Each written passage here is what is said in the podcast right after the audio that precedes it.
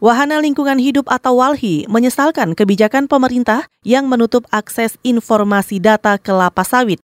Direktur Eksekutif Nasional WALHI Nur Hidayati mengatakan, imbauan Menko Perekonomian Darmin Nasution kepada para pelaku usaha kelapa sawit untuk tidak membuka izin kepemilikan hak guna usaha atau HGU seolah memposisikan Menko Darmin sebagai juru bicaranya perusahaan swasta.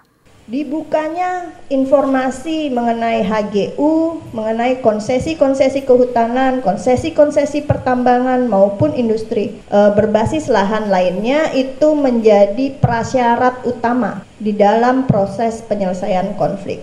Apalagi um, hal ini sudah juga ditegaskan oleh keputusan Mahkamah Agung. Direktur Eksekutif Nasional Walhi Nur Hidayati menambahkan salah satu akar masalah konflik agraria yaitu tumbang tumpang tindih HGU perusahaan dengan lahan yang digarap warga.